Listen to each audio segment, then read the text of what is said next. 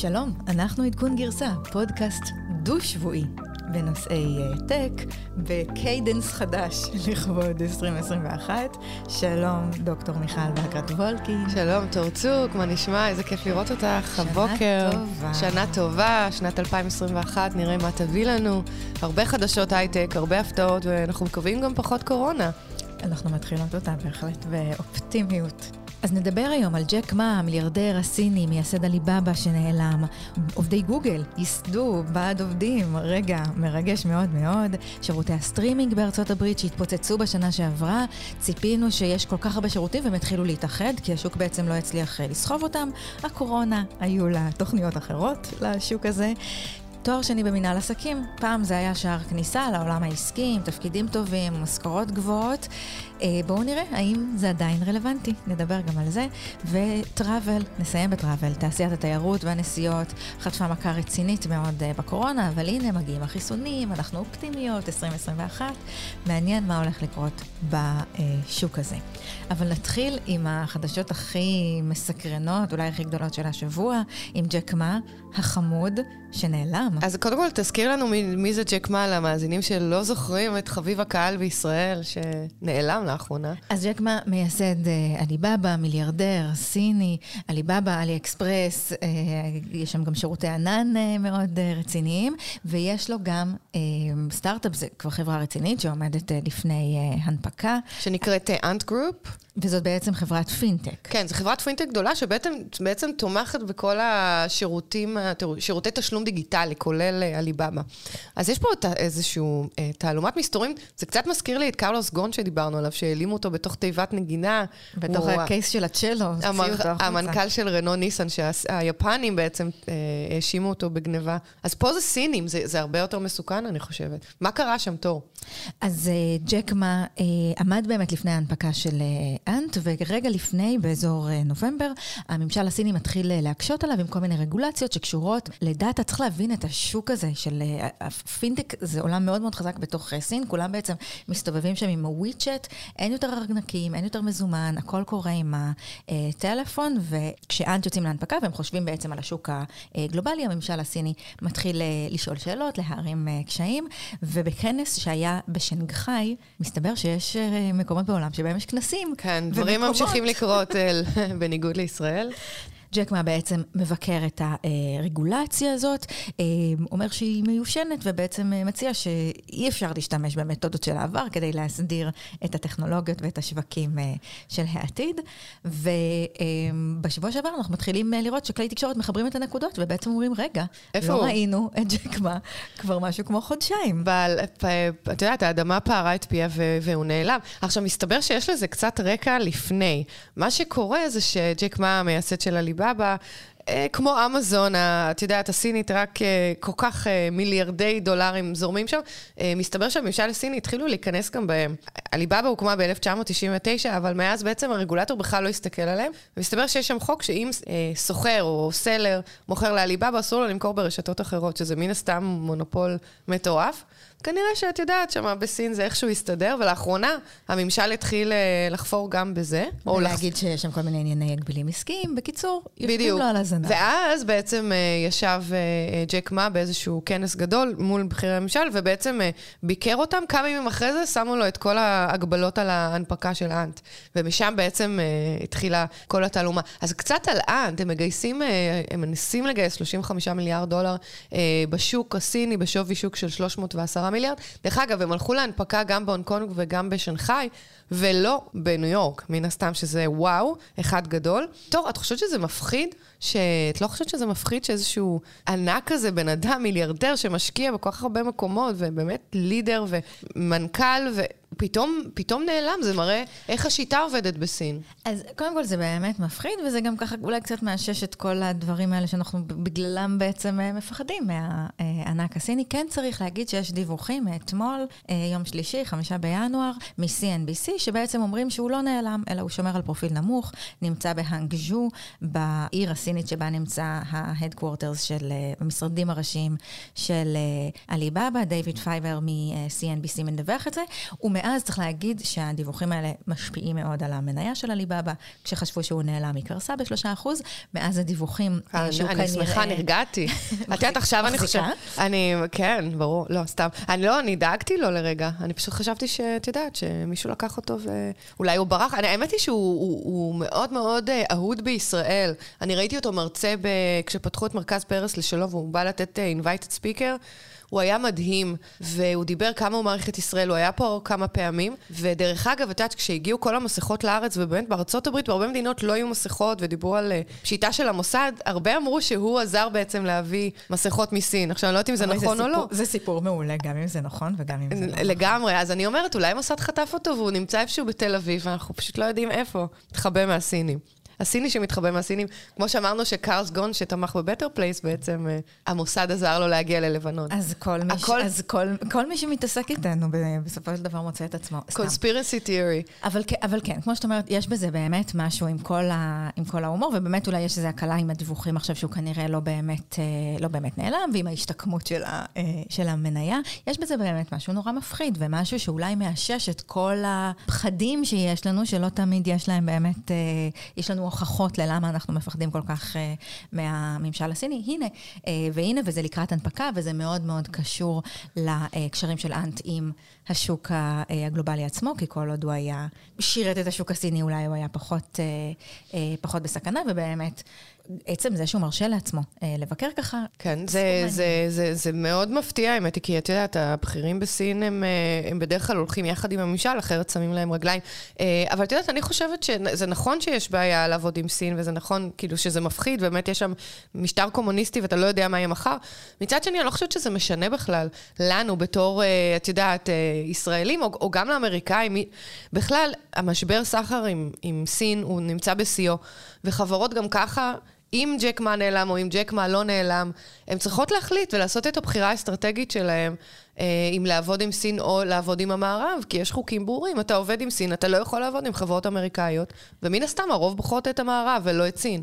ובאמת, הסיפור הזה של כן או לא לעבוד עם הסינים, עבור חברות ישראליות הוא מאוד מפתה. יש פה הרבה כסף סיני שמסתובב בשוק, יש גופים סינים מכל מיני סוגים שמחפשים להתחבר לטכנולוגיה ישראלית, מציעים הצעות מפתות אה, חברות ישראליות, וצריך באמת לקבל פה איזושהי החלטה שהיא החלטה אסטרטגית, ובאמת הסיפור הזה עם אה, ג'ק, מה שעושה הרבה מאוד uh, כותרות, uh, אולי לא יעשה טוב לכסף ולמשקיעים הסינים, שאולי מחפשים פה מציאות לגיטימיות. אה, כן, אבל את יודעת, אני חושבת שבאמת צריך כאן להבין שאם אתה עובד עם חברה סינית, אתה לא תעבוד עם חברה אמריקאית כנראה, ורוב החברות הישראליות באמת מעדיפות לעבוד עם המערב, עם אירופה וארצות הברית, וזה לא משנה ממש מה קורה, מה קורה בסין. יש לי איזה חבר שהציעו לו להקים מפעל בסין עם טכנולוגיה IP שמגיע מארצות הברית, והוא פשוט לא יכול. הוא לא יכול כי מן הסתם האמריקאים לא ייתנו לו.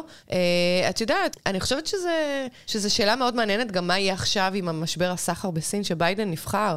אה, את יודעת, יש כאלה שאומרים שאולי זה קצת יירגע, אני לא חושבת אישית, אני חושבת שהמשבר ימשיך. יפשיר את ה... לא, לא, עדיין יהיה, יש, יהיו בעיות אה, מאוד קשות לעשות עסקים עם סין בשנים הקרובות, ואת יודעת, זה, זה, זה בעיה, זה בעיה מאוד גדולה, כי יש כבר חברות שהן מושקעות שם, שקיבלו מימון משם, שנמצאות בעסקים, והן צריכות לעשות את ההחלטה האסטרטגית, אם להמשיך את זה או לא.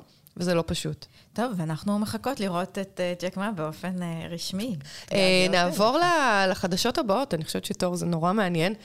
ועד עובדים, ועד עובדים בגוגל, חברת טק גדולה, ובאמת אין כזה דבר. למעשה יוצרת יוניון חדש שנקרא The Alphabet Workers Union. זה מסתבר שזה ועד עובדים כמו בעבר. יש שם 400 uh, עובדים שכבר התאגדו, הם מפרישים משהו כמו 1% מהמשכורת שלהם, שיהיה, אתה יודע, תקציב לפעילות. זה מטורף, זה מטורף לשמוע שבחברת טק גדולה יש ועד עובדים. ועד עובדים זה משהו של פעם, משהו שאתה יודע, דואג למשכורות, דואג לחופשות. אין בעיה של משכורות בגוגל, אני מניחה. אז אני חושבת שהסיפור של הוועד הזה הוא סיפור מאוד מאוד מעניין. קודם כל, כמו שאת אמרת, זה באמת ועד מאוד קטן. אז יש שם סיפור של, אה, משפטית, זה לא כל כך היה מסובך להקים אותו, אבל הוא גם מאוד מאוד מוגבל מבחינת מה שהוא יכול לעשות. הוא לא הוועד היציג, הוא לא מייצג את רוב העובדים. 400 עובדים מתוך משהו כמו 120 אלף עובדים, זה באמת... אה, זה, זה באמת שום דבר, חלק כן. מאוד, מאוד, מאוד, מאוד מאוד קטן. מה שמעניין בוועד הזה, זה שהוא באמת לא קם סביב סוגיות עובדים, כמו שאנחנו מדמיינים, סביב סוגיות של ההסתדרות, של שעות עבודה ותנאי עבודה, אלא הוא קם סביב עניינים אתיים, שממש קשורים לליבה של ה business ושל הטכנולוגיה אה, של החברה. במאמר שאחד המייסדים של הוועד כותב בניו יורק טיימס, הוא אומר, אנחנו בנינו את גוגל וזאת כבר לא החברה שאנחנו רוצים לעבוד בשבילה.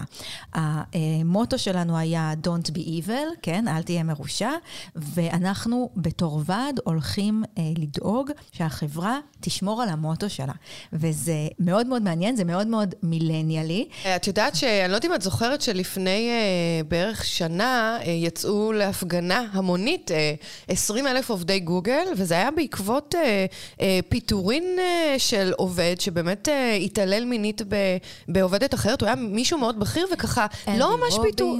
כן, אנדי רובין, נתנו לו ללכת עם, את יודעת, בונוס מטורף והשתיקו את זה, וזה לא יצא לעיתונות, ובעצם שם, אני חושבת, התחיל המאבק של גוגל, וזה היה הבסיס באמת ליצירה הזו של ועד העובדים החדש, שבאמת אה, מסתכל, כמו שאמרת, על אתיקה, אה, על discrimination ו diversity, על משכורות שצריכות להיות שוות, אז אני באמת חושבת שהסיפור הזה של אנדי רובין הוא סיפור, הוא סיפור מעניין, כי הוא קצת קו פרשת המים. כי גוגל ניסתה לעשות שם משהו שעושים בהמון המון חברות ובהמון corporates. אה, מגיע, עובד, בדרך כלל ממגדר מאוד מסוים, התנהגויות מאוד מסוימות, הן לא מתאימות כבר לעולם העבודה, משלמים לו הרבה כסף, שולחים אותו הביתה. וככה סוגרים הרבה מאוד דברים.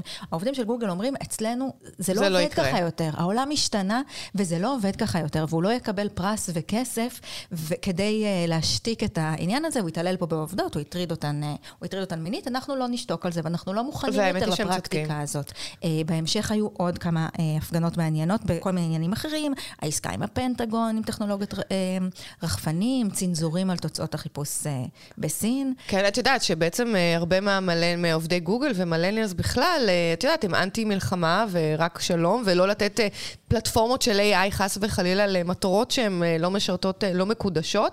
עוד עניין מעניין בוועד הזה, זה שאין שם עניין של סוגי מקצוע. הם מזמינים לתוך הוועד מנקים, מהנדסים, מנהלי מוצר, עובדים בקפיטריה, בין אם את פול טיים אמפלואי של גוגל, או אם את עובדת קבלן, את יכולה להצטרף סביב באמת המטרה המוסרית הזאת. זה מאוד מאוד מעניין. הם, הם מתאגדים תחת איזשהו ארגון, אה, כמו מין הסתדרות כזאת אמריקאית של עובדי חברות התקשורת, ומזמינים באמת לתוכם כל מיני סוגים של עובדים. אני לא בטוחה, אני כן צריכה להגיד פה, שאני לא יודעת אם באמת אה, עובדי הקפיטריה יכולים להרשות לעצמם את מה שהמהנדסים יכולים להרשות לעצמם, גם מבחינת הסכנה שאת לוקחת על עצמך, ובדרך כלל מה הרקע הסוציו-אקונומי של עובדת קפיטריה. אני חושבת שיש להם אה, פחות מה, מה להפסיד, את יודעת. הם, למהנדס שמרוויח מאות אלפי דולרים בחוד, בשנה, יש מה להפסיד, את יודעת, הוא רוצה לשמור על הקריירה שלו, הוא רוצה אחרי זה לעבור לארגון טק אחר, והוא לא יקבל המלצות אם, את יודעת, אם הוא יסתכסך שם עם העובדים או עם המנהלים.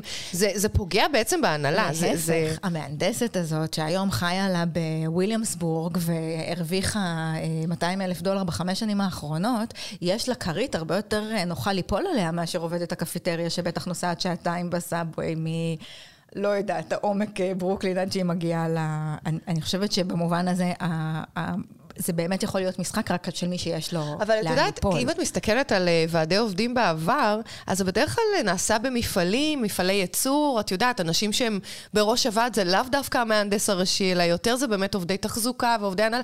זאת אומרת, לא עובדי הנהלה, אבל עובדים שבאמת, אה, את יודעת, השקל חשוב להם, ופה אתה לא מדבר על משכורת, זה, זה באמת שאלה מאוד מעניינת. איזה מין אנשים הולכים להיכנס לוועד עובדים כזה של גוגל, אה, או של חברת טק בכלל. זה לא, זה, זה לא טריוויאלי בכלל, זה פעם, כמעט פעם ראשונה שזה קורה גם. את יודעת, יש דוגמאות מאוד uh, מועטות בחברות טק לוועדי עובדים. נכון, אז באמת יש, בעבר הייתה התאחדות של עובדי אבטחה בגוגל ובפייסבוק, התאחדות שבאמת סביבה יותר עניינים uh, של זכויות עובדים כן, זה לא היה ועד עובדים, ממש. בקיקסטארטר, זאת אחת חברות הטכנולוגיה היחידות שיש בה אה, התאחדות עובדים, אבל היא דוגמה הרבה הרבה יותר קטנה, כמה מאות בודדות של אה, עובדים. באמת, אני חושבת שהסיפור הזה גם של התוכן של ההתאחדות, שזה בעצם על משמעות ועל מוסר. מוסר ולא על תנאים. כמו שאת אומרת, זה באמת התאחדות של מפונקים. התאחדות של אנשים עם פריבילגיות שיכולים וגם מרגישים שיש להם את האג'נסי להשפיע על ה business של החברה ועל הטכנולוגיה שלה. ובעיניי הסיפור הזה הוא נורא נורא מעניין, כי הוא מסמן איזה shift וחזרה של המעסיק כמחולל זהות. אם פעם בדור של, לא יודעת, ההורים שלנו, כשאנשים עבדו במקום עבודה אחד, והעבודה הייתה, היה לה, קודם כל אני חושבת שהיא הייתה חלק הרבה פחות משמעותי בתוך הזהות אה, של אדם, אבל היה לך, היה לך מקצוע, היה לך מקום עבודה, שם התחלת את הקריירה, שם סיימת אותו, זה באמת חלק מאוד אה, משמעותי בזהות שלך. אחר כך עם המעבר, גם שבירה של ארגוני עובדים וגם המעבר לחוזים אישיים, אז בעצם אם אני מהנדסת, אז אני מהנדסת, זה מה שאני עושה, וכשגוגל ישלמו לי יותר אני אלך אליהם, וכשמייקרוסופט ישלמו לי עוד יותר אני אעבור לשם, אני נשארת במקצוע שלי ואין לי בעיה לעבור בין מעסיקים. והנה, המילניאלס, שאני כל הזמן מסתלבטים עליהם, שהם לא עובדים ושלא אכפת להם וש... אה, לא יודעת. והנה פתאום הם, מביא, הם מביאים את המהפכה הזאת, שהם אומרים, אנחנו לא שכירי חרב, אנחנו לא נעבוד בשביל כל אחד, ואנחנו, לא, ואנחנו נשתמש בכוח שלנו כדי, סליחה על הקלישאה, להפוך את העולם הזה לטוב יותר. בעיניי זאת נקודת ציון מהממת, ומאוד מאוד מעניין לראות איך הדברים האלה התפתחו, ובעיקר את האדוות ואת ההשפעה של הדבר הזה בארגונים אחרים. כן, את יודעת, זה, זה מעניין, כי אני, לדעתי, יש פה איזשהו, את יודעת, תקלה מאוד חמורה של גוגל בהתנהלות שלהם בשנים האחרונות. כנראה שסונדר לא עשה עבודה, המנכ"ל של גוגל לא עושה עבודה... סונדר פיצ'אי המנכ"ל. כן, הוא לא עושה עבודה מדהימה, הוא עשה טעויות גם עם אה, נציגי החברה, שאת יודעת, שהיום בעצם הם נציגי הוועד, אה, שמתעסקים באקטיביזם, כי זה תחום שתמיד היה חזק בגוגל, תמיד היו אנשים שבאו, כמו שדיברנו על ההפגנה. אה, הוא ניסה להשקיט את הרוחות והוא ממש נחשב. נכשל, ועכשיו זה בעצם אה, עצם בגרון בשבילו. אה, אבל אני חושבת, ואני יודעת גם בתור מישהי שחיה בוואלי, שגוגל נחשבת חברה שמאוד טוב לעבוד בה, מאוד דואגים לעובדים. יש שם דגש מאוד חזק על diversity, על, אה, את יודעת, לזכור נשים כמו, כמו ששוכרים... כמה שיותר נשים, אה, משכורות אחידות, אני פשוט יודעת את זה, יש להם תנאים מצוינים לנשים שחוזרות מחופשות לידה, הם נותנים יחסית, אה, אה, את יודעת, מקום להיות בהיריון, יש שם נשים מאוד חזקות, את יודעת, סוזן ווזיצקי, שהיא המנכ"לית של יוטיוב, היא אחת מהמקימות, ואני יודעת שהיא שמה על זה מלא דגש. שריל סנדברג, היא גם יוצאת גוגל לשעבר. יש שם דגש מאוד חזק על diversity. אז זאת אומרת, ה millennials המפונקים, שיקחו את החופשות לידה שלהם. אני לא חושבת שהם מפונקים, אבל אני חושבת, אני לא יודעת אם יש מקום מקום לוועד. אני, אני רואה ועד בתור דבר מאוד מיושן, בתור דבר שהוא גם לא גלובלי, את יודעת, זה משהו של מפעל ריכוזי במקום אחד, בעיר אחת. פה גוגל, את יודעת, היא בכל העולם. איך אתה יכול ליצור ועד שבאמת אה, ייקח אה, על עצמו את האחריות לדאוג לעובדים בכל העולם? כל, כל מדינה יש משהו אחר, יש בעיות אחרות, יש חוקים אחרים. אה, לדעתי זה לא יצליח, לדעתי זה יקטן, אה, וגם לא יתפוס בחברות טכנולוגיות אחרות. אני כן בעד אה, אקטיביזם. אני, אני חושבת שאת יודעת, גם אנשי טכנולוגיה זה פחות אנשים שהם אה, אנשי ועד באופן עקרוני, אבל כמובן שתמיד יש את האנשים שהם אה, יכולים אה, לתפוס ולהריץ אה, קדימה. אני מפחדת שאת יודעת, שיהיה לנו פה אלון חסן של, של גוגל. אם את יודעת למה אני מתכוונת, את יודעת, עובדים שידעו ש, שאי אפשר לפטר אותם עוד פעם, למרות שזה ועד, זה משהו אחר, אבל הם אולי יאבדו את המוטיבציה. את יודעת, אני עבדתי בבתי זיקוק כשהייתי צעירה, אחרי שסיימתי תואר ראשון, ואני זוכרת... בש, בש, היית. בוועד? לא הייתי בוועד, אבל אני זוכרת באחת, היו נועלים את הדלת, וכל אחד הולך לישון בצהריים.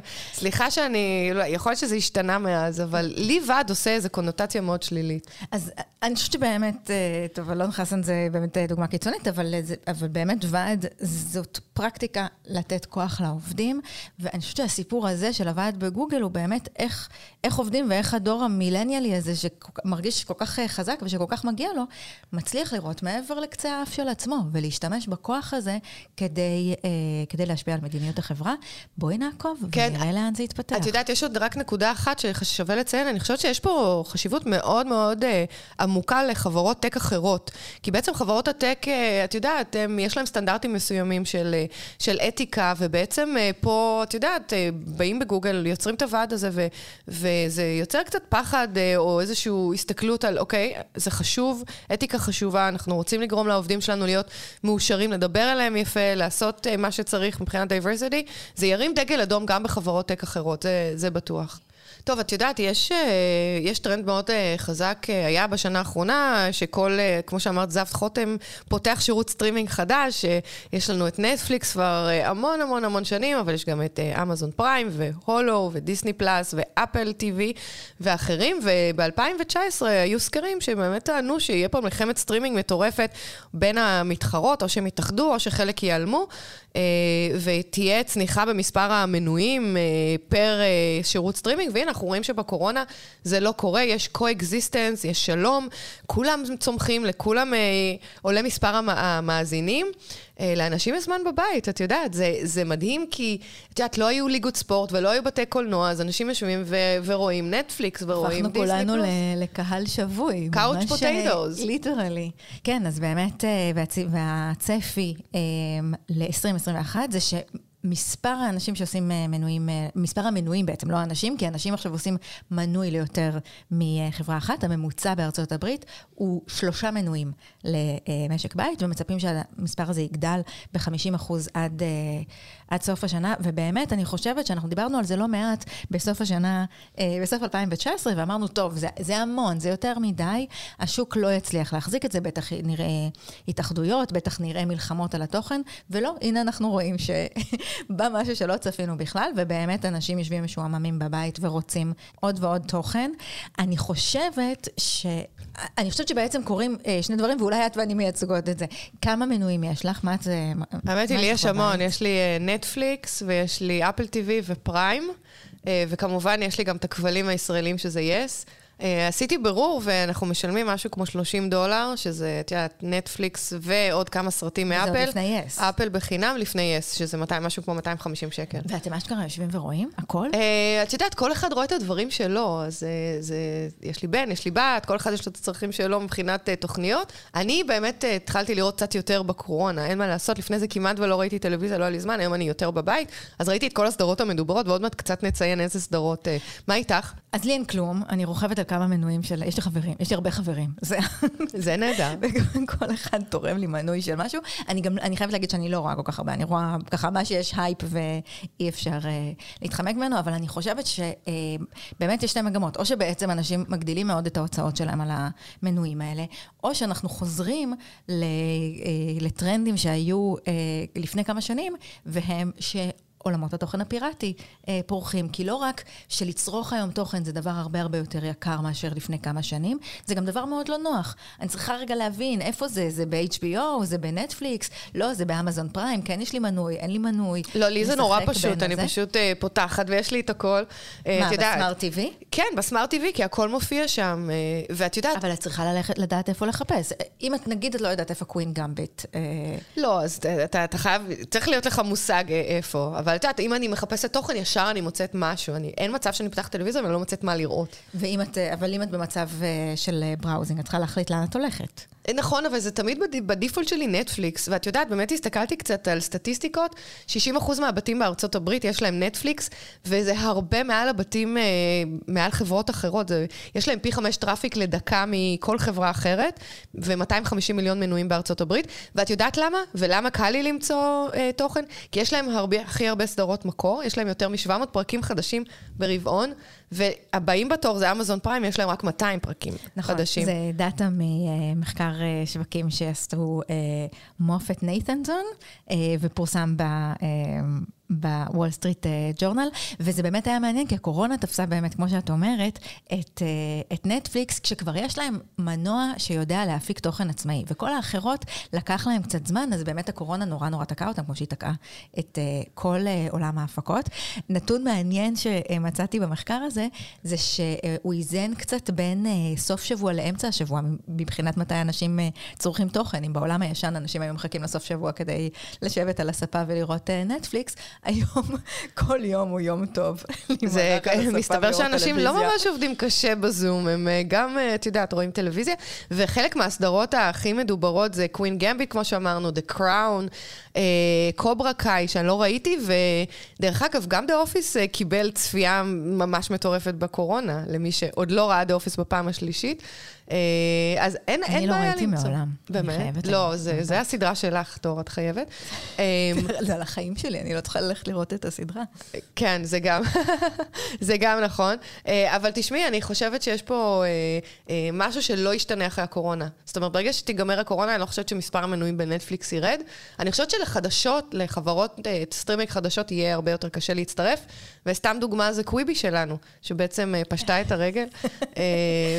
יצאה לאור בקורונה ונסגרה בקורונה, ועכשיו, דרך אגב, היא, היא מחפשת אה, בית חם לתוכן שלה, היא מחפשת למכור את התוכן, כי זה המון תוכן מקורי, שלהרבה מהחברות האלה אין. את יודעת, Disney Plus ואמזון פריים, וכולם משדרות תוכן קיים, אה, וקצת תוכן מקורי. אז מסתבר שרוקו, אה, חברה אה, גם של וידאו סטרימינג, מנסה לקנות את התוכן של קוויבי. אה, מה את אומרת? כן. עכשיו, דרך אגב, עוד נתון מאוד מעניין, שהחברות לוויינים וחברות כבלים כמו קומקאסט, AT&T, במקרה הזה יס או הוט בארץ, מאבדות את מספר המנויים שלהם. זאת אומרת, ככל שמספר הווידאו סטרימינג עולה, כל הנטפליקסים והאמזונים וה, וה Apple TVs, מספר המנויים בחברות כבלים יורד. אנשים מבינים שפשוט אין להם מה לראות שם. ויש להם הרבה מה לראות במקומות אחרים. את יודעת, כנראה גם כל ה reality TV והחדשות פחות... פחות מעניינים את הצופים שיושבים בבית ורואים אה, טלוויזיה. טוב, האמת שזה נושא שאנחנו לפעמים מדברות עליו ככה בינינו. MBA, תואר שני במנהל עסקים.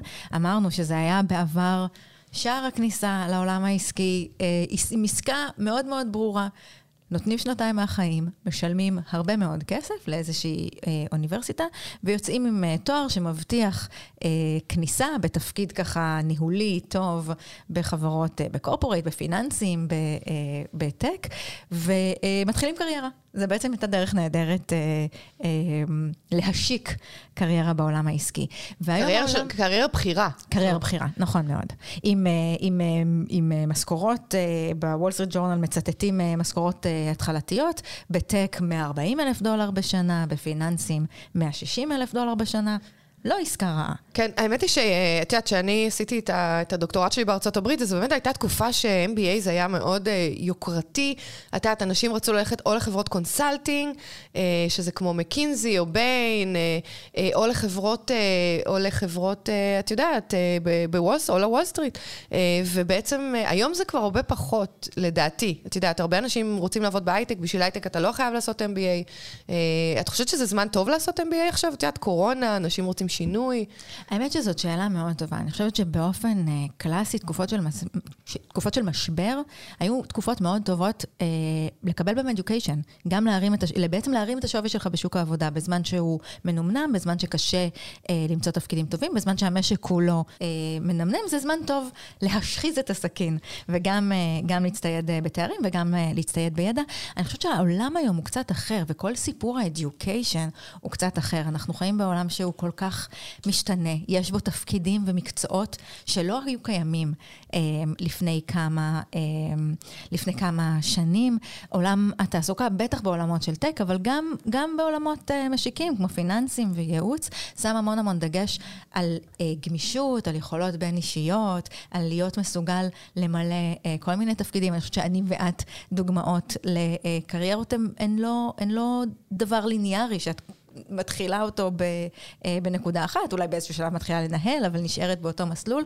אנשים שיודעים לנווט ולעבוד בכל מיני מקצועות ו, אה, וללמוד ולהשתכלל, יכולים למצוא את הדרך שלהם גם בלי החינוך הפורמלי הזה. כן, את יודעת, אה, קודם כל זה חשוב לציין ש-MBA MBA הוא, הוא תואר מאוד יקר, זה עולה בין 100 ל-200 אלף דולר, אה, בהרבה... זה, זה באוניברסיטאות הפרטיות, את בהרווארד, בסטנפורד, אה, בוורטון. אה, זה יקר מאוד, וזה בדרך כלל, אם אתה נמצא בתעשייה מסוימת, אה, למשל בתעשיית ההייטק, זה לאו דווקא יעלה לך את המשכורת בצורה שבאמת אה, תצדיק את הדבר הזה. אה, אני חושבת שזה גם לא נכון לאנשים שנמצאים בתעשייה מסוימת ורוצים להישאר בתעשייה הזאת. זה נכון באמת, אם אתה רוצה לעשות אה, שינוי כיוון, אם אתה נמצא ב-non for profit ואתה רוצה לעבור להייטק, או אם אתה נמצא בהייטק ואתה רוצה לעבור ל-investment banking, אה, אבל לא אם אתה נמצא בהייטק ורוצה להישאר בהייטק. אה, אני מסכימה איתך לעניין הזה, שבאמת מבחינת התכנים, תכנים של MBA היום אפשר, בכלל יש תרבות היום של לשבת וללמוד ולצבור ידע לבד, אבל התכנים הם באמת לא מה שמייחד את התארים האלה. נכון. אלא האפשרות לנטוורק. נטוורק, נטוורק, נטוורק, זה באמת הסיבה העיקרית לעשות אה, MBA, בעיקר באוניברסיטאות היוקרתיות uh, בחו"ל, בארצות הברית או באירופה, אבל אני חושבת שזה... אלה uh, באמת מוסדות שיש להם תרבות של לייצר נטוורק, תרבות של להפגיש את הסטודנטים הצעירים עם הבוגרים, שכבר נטועים עמוק בתוך הקריירות. זה חלק מאוד חשוב מהלגסי, נכון, מהמורשת של המקומות האלה. אבל את יודעת, אנשים שנמצאים בחברות טובות, בהייטק למשל, הם לא צריכים את הנטוורק הזה, יש להם את הנטוורק בתוך החברה, ואת יודעת, היום אומרים, גוגל זה נטוורק משל עצמו, אה, פייסבוק זה נטוורק משל עצמו, גם סטארט-אפים טובים וגדולים הם נטוורק בפני עצמם. בטר פלייס הייתה network, היום באמת תראי לאן כל האנשים שהיו בבטר פלייס הגיעו, מאוד מאוד מצליחים.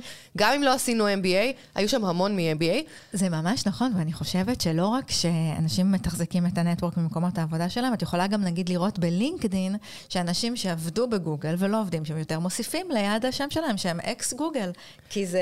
זה, זה, זה גאווה. את יודעת, אה, זה מעניין, אילון מאסק אה, דיבר על אם לעשות, שאלו אותו לעשות MBA, לא לעשות MBA, והוא אמר, יותר מדי MBAs בחברה זה גם לא טוב, כי זה גורם לאנשים לחשוב בצורה שהיא מאוד structured, מאוד uh, uh, תחומה בתוך מסגרת, מאוד... Uh, לאו דווקא לחשוב מחוץ לקופסה, ויותר מדי MBAs בחברה זה גם כן משהו שהוא מבחינתו, ליזמים, לאנשים שרוצים להיות בהייטק, לא דבר בהכרח uh, נכון, והוא אומר לא לעשות.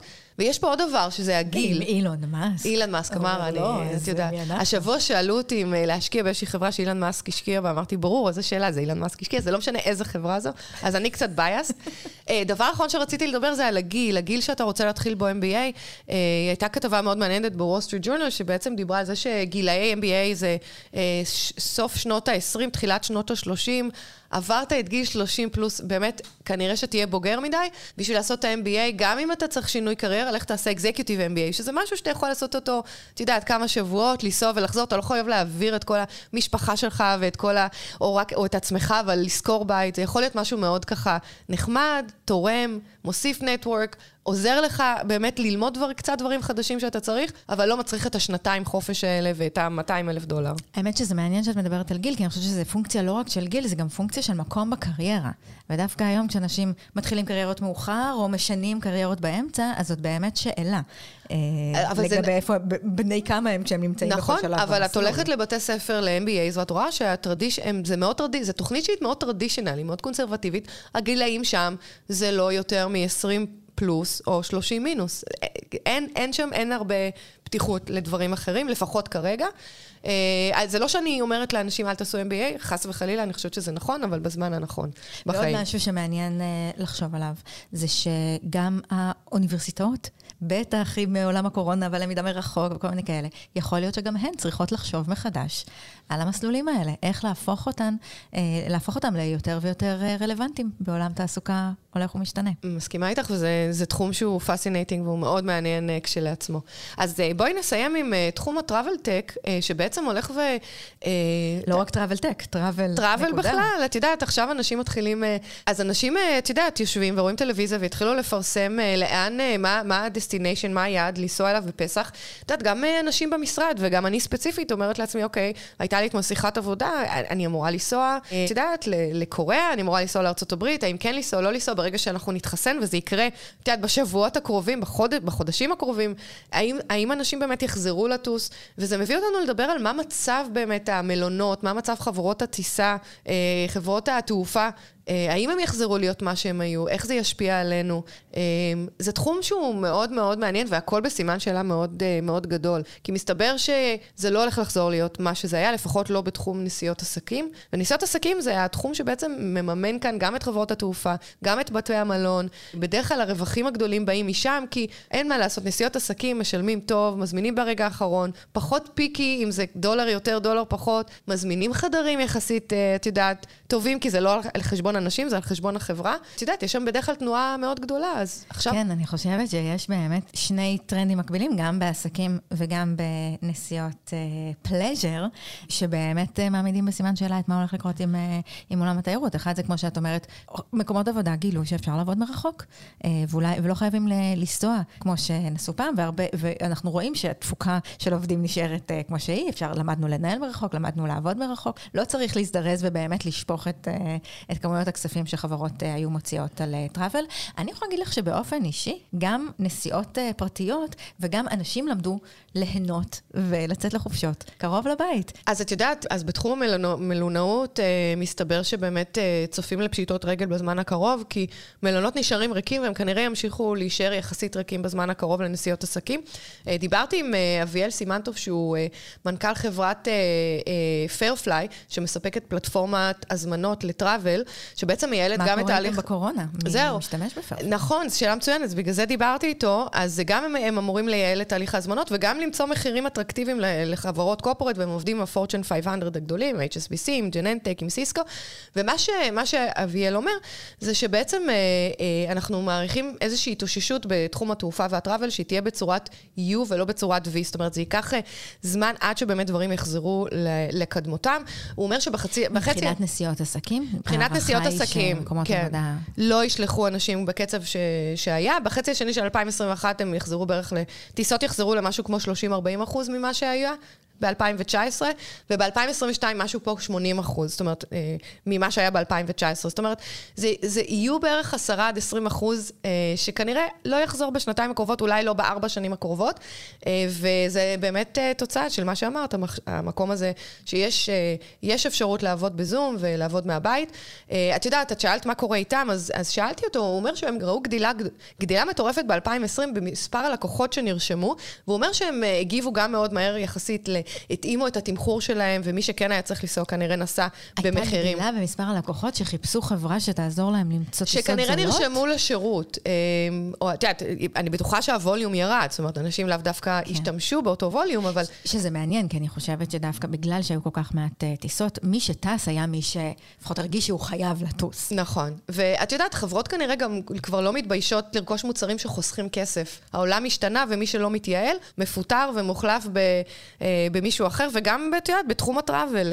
קרה לי לא אחת ולא שתיים שהזמנתי כרטיס טיסה מהחברה, וכשהסתכלתי באינטרנט המחיר היה 30 אחוז פחות, ואם לא יותר, אז, אה, אז מה שאביאל אומר זה באמת, אה, יש פה החלפה של travel managers, ושל חברות שמנהלות את ה... travel ל corporates גדולים, והנה, עובדה ש corporates אה, רוצים להתייעל ולחסוך כסף. טוב, את צודקת אה, לגמרי כל מה שאמרת בזום. אתמול, דוגמה, במקרה הייתי במשרדים של אייקון, ואייקון, למי שלא מכיר, זה אה, ארגון שהקימה יסמין לוקאץ', non for profit, שעוזר לסטארט-אפים באמת להגיע לסיליקון וואלי, למצוא יזמים, למצוא שותפים. יש שם אה, תותחים מאוד גדולים שהם מנטורים מראשי הקהילת ההייטק הישראלית בוואלי. אז מסתבר שהם, יש להם, היו להם כבר שמונה מחזורים של SV101, הם שולחים סטארט-אפים לוואלי, עושים להם, את יודעת, introduction לכל הגדולים. אז איך הם הולכים לשנות את ה... לעשות עכשיו את, ה, את המחזור שהתקבל לפני הקורונה, הם באמת הולכים לעשות את זה בארץ, הם הולכים לעשות את זה בזום. אה, מסתבר שהמחזור הזה יתקיים מווילה שהם שכרו פה בארץ, והיזמים בעצם ילכו, אה, את יודעת, אולי אה, לישון קצת יותר מאוחר, אבל הם יעשו את כל הפגישות עם, ה, עם האנשים בוואלי בזום, ושבימים הם בעצם יעבדו עם הבכירים בארץ, ואת יודעת, יעשו את ה networking פה. דרך אגב... טוב, זה יהיה ניסוי באמת מאוד מעניין לראות האם באמת את ה core של הדבר הזה, ש... של לייצר את הקשר האנושי הזה, האם באמת אפשר לעשות את זה מרחוק מרחוק, או לא? זה נכון. ואת יודעת, הם כבר פתחו את ההרשמה ל batch 10, לסטארט-אפים ל batch הבא, אה, בשביל יזמים ישראלים לפגוש את השחקנים אה, בבירת ההייטק, ובאמת אה, מציעים לסטארט-אפים להירשם עכשיו. מעניין אם באץ' 10 יהיה בזום, או, או שיטוסו חזרה לוואלי. לא יודעת, נחיה ונראה, אבל אני ממליצה להירשם. יש גם, אה, צריך להגיד, את הטרנד אה, של, אה, של נסיעות פרטיות, של תיירות, שגם הוא מאוד מאוד השתנה, ואנחנו בשנה האחרונה שלא היה לנו שהיה הרבה הרבה יותר קשה והרבה פחות אה, טריוויאלי לטוס. אנשים גילו חופשות, אה, חופשות בעיר, חופשות בארץ, אה, איך אפשר בעצם אה, לצאת ולעשות תיירות פנים, ומעניין עם הטרנד הזה, שהוא נורא חמוד בעיניי. כן, זה חמוד, אבל את יודעת, אני קראתי כתבה בווסטר ג'ורנל, והם מדברים על תיירות באמת לפלז'ר, והם אומרים שאנשים כן יחזרו לטוס כמו פעם, שזה דווקא יחזור הרבה יותר מהר. אנשים מחפשים את הגט-אווי, הם רוצים להתנתק, כל המלונות שקשורים ב... את יודעת, חופשה באמת ימשיכו לצמוח, ומלונות שקשורים בעבודה, אה, כנראה שנראה כמה פשיטות רגל. טוב, עד כאן עדכון גרסה הראשון לשנת 2021. תודה רבה לדוקטור מיכל וקרת וולקין. תודה, תורצוק. אה, היה ממש אה, מעניין, ואנחנו מקווים שתשתפו עם החברים שלכם. אנחנו נמצאים בכל אפליקציות, פודקאסטים, ספוטיפיי, אה, בגלי צה"ל. אה, מוזמנים עכשיו לשלוף את האפליקציה ולעשות share לחבר הנבחר שלכם. ככה לקראת 2021, להמליץ על הפודקאסטים הטובים. אז uh, תודה רבה לגלי צה"ל, לדורון uh, רובינשטיין, לרועי. קילקר. קילקר. Uh, אנחנו גם רוצים להודות לנבות וולקה, העורך שלנו. הגדול. ולוורטקס, שמארחת אותנו שוב uh, עד שיפתחו את גלי צה"ל מחדש, ונוכל להגיע לשם אחרי שנתחסן. ותודה, תורצוק, שהגעת היום. תודה, נתראה עוד שבועיים. ביי ביי.